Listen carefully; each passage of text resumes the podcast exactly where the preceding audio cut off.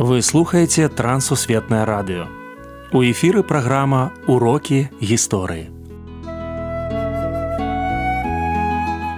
Запрашаем у падарожжа падзей, асоб і фактаў. Вучыцеся разам з намі.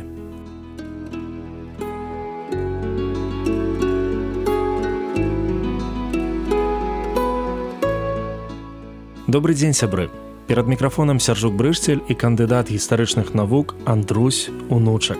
Сёння мы пагаворым пра эмілію плятар. Прывітанне Андрусь. Прывітанне сяржук. Прывітанне шаноўныя слухачы. Давайте пазнаёмімся з маладой але легендарнай гістарычнай госцей сённяшняя наша госця дзяўчына якая пражыла даволі кароткае жыццё толькі 25 гадоў але якая зрабіла вялікі ўплыў на ўсю гісторыю беларусій Яна стала сімвалам паўстання 1830-1831 гадоў. Яна сфармавала на свой кошт аддзел паўстанцаў, які змагаўся супраць царскіх войскаў у Беларусі, Латвіі і літве на тэрыторыі вось гэтых сучасных краінаў. І яна стала сімвалам у тым, што нягледзячы на тое што яна дзяўчына нягледзячы на тое што ў яе не было такой спецыяльнай вайсковай адукацыі але ў яе было сэрца аддадзеная сваёй краіне. І гэта сэрца балела ў час калі краіна была ў цяжкім стане што яна пайшла яе абараняць са зброю руках.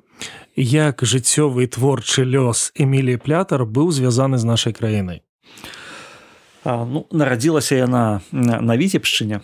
Увогуле рот вось плятараў ці броель плятараў ён быў з нямецчыны перасяліўся ў вялікае княства літоўскае. Гэта быў род знакаміты графы плятары віцебшчына была адным з тых рэгіёнаў беларусі дзе плятары мелі свае маёнткі і сапраўды вось яе паходжанне нарадзілася ў 1806 годзе звязана з вялікай такой перспектывай яна магла выйсці замуж за графа ці князя ці барона. Яна была арыстакраткай але яна звярнула вялікую увагу сваю на той народ які быў вакол яе на беларусаў. І пачатак 19 стагоддзя гэта час рамантызму безумоўна яна была рамантыкам яна бачыла што сяляне якія вакол яе яны таксама людзі. Яна настолькі моцна іх полюбіла што гатова была аддаць сваё жыццё пакласці жыццё каб яны былі свабодныя і з другога боку яе біяграфія гэта конечно яе учынкі яны палягаюць на тым што яна вывучала на гісторыю культуру гэтага народу такім чынам вось можна сказаць што гэта эмілія плятар ці плятаранка якія называлі тады яна стала такой гераіняй народы нацыянальнай гістарычныя партрэты эміліі плятар быў такі даследчык максіміліян маркс які даследаваў беларускую культуру які жыў у той час калі жыла сама эмілія плятар ну але ён трошки больш быў паглыблены ў гэту культуру. Казаў што яна збірала фальклор. І больш за то яна записывала народныя песні яна записывала тыя словы якія якімі карысталіся беларускія сяляне беларуская дробная шляхта яна імкнулася паглыбіцца ў беларускую моўную стыхію у беларускую спеўную культуру. І яна была чалавекам таким вось вельмі блізкім да таго што мы можемм сказать адраджэнцамі. Адраджэнцамі але ну сам тэрмін адраджэнцы ён адносіцца да пазнейшае часу. Ну мы можемм сказаць што у эмілій плятар быў таксама вось такі стымул такі імпульс. Другі партрэт гэта канешне адам міцкевич вось ён напісаў верш такі смерць палкоўніка тому что у сам адам міцкевич ён меў такое пачуццё вины. На жаль ён быў па-за межамі бацькаўшчыны ён імкнуўся вярнуцца каб узяць удзел у гэтым паўстанні але яму гэта ну як ён сам пісаў не дазволілі сябры. Сябры сказалі што у нас шмат ваяроў але толькі адзін міцкевич і вось пасля таго як ён адмовіўся перасякаць мяжу былой рэчы паспалітай і з'ехаў назад у нямецчыну а пазней францыю ён даведаўся што была дзяўчына якая загінула там у паўстанні на пачатку ён думаў што яна загінула ў баі. І таму напісаў вось такі верш прачулы. Хоць яна была капітанам рэальна яна мела чын толькі капітана але ён назваў яе палкоўнікам. І вось гэтая смерць палкоўніка у гэтым вершы апісана яе апошнія хвіліны так як уяўляў мецкевич што збіраецца народ там памірае вось камандзір паўстанцкага атраду і толькі тады разумееш што гэта маладая дзяўчына. І калі чытаеш гэты верш то сапраўды хочацца так ну засумаваць моцна і нават заплакаць над вось гэтай трагі трагічным лёсам. Чаму гісторыкі называюць яе беларускай жаннай дарк? а яна была ведаеце вельмі падобная яе лёс вельмі падобны да жанадарк потому что жанадарк мы памятаем арлеанская дева яна вызваліла горад арлеан і паклала пачатак вызваленню францыі ад англічан у час стогадовай войны ў 15 стагоддзі у 19 стагоддзі наша краіна таксама была паняволеная і эмілія плятар паклала сваё жыццё для того каб э, Беларусь была вызвалена і у гэтым сэнсе вельмі пад падобныя лёсы вось.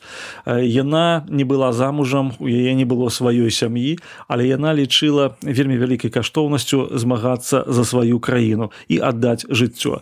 Ну напрыклад я магу сказаць такі факт што ёй прапаноўвалі выезд па-за межы расійскай імперіі каб яна магла застацца жывой. І яна засталася да снежня 1831 году калі ўжо не было фактычна такой паўстанцкай барацьбы.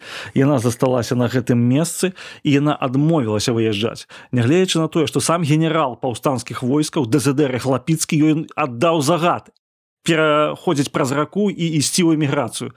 Яна сказала я нарадзілася на гэтай зямлі і з гэтымі людзьмі я застануся до конца калі апошні жаўнер перайдзе і я за ім перайду э, яна засталася на гэтай зямлі захварэла моцна і памерла. Ну вось тут сімвалізм і параўнання з жанай дарк. Змагацца до конца і быць народам до конца Можа яшчэ некалькі цікавых і павучальных фактаў з нядоўгага жыцця Эмілі плятар. Хачу сказаць, што пра адзін такі эпізод. Рэч у тым, што на самом пачатку калі сфармаваўся вось гэты аддзел і гэта было на сучаснай браслаўшчыне было 280 чалавек. І яна выступила на яго чале на бой з царскімі войскамі. І вось у гэтай бітве паўстанцы атрымалі перамогу. Эмілія плятар яна стала ўжо тады вельмі вядомай. Але яна хацела атрымаць нейкі афіцыйны статус. Яна звярнулася да паўстанцкага ўраду. Паўстанскі ўрад прыслаў ёй патэнт на званне капітана паўстанцкіх войскаў яна могла камандаваць толькі ротай яна не могла камандаваць там палком там ці дывізіяй і нягледзячы на тое што яе аўтарытэт быў э, такі даволі высокі э, яна імкнулася э, быць са сваімі жаўнерамі і пераносіць вось усе цягаты для 19 стагоддзя гэта быў унікальны момант. Адзін з самых таких павучальных урокаў яе жыцця гэта яе уласная вытрымка і казалі што яна вельмі спакойна сябе паводзіла у час калі ішоў напрыклад гарматны абстрэл. Под гарматным абстрэлам яна стаяла спакойна і сяляне касінеры якія былі з косамі яны ніколі не адступалі.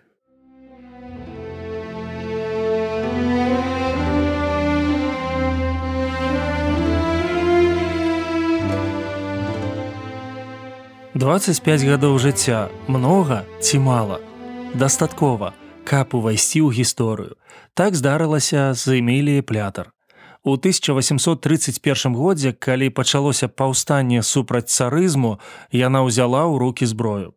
Ігнат Дамейка пісаў: з рамантычнай, гарэзлівай дзяўчыны вырасла суровая амазонка з палымяным сэрцам патрыёта. Яе мэта ў яе словах вырашыла змагацца, пакуль не вернем незалежнасць. У нас няма часу, каб апісаць жыццё вядомай жанчыны, але ёсць падсумаванне. Свабода, гэта барацьба за тэрыторыю нашага сэрца.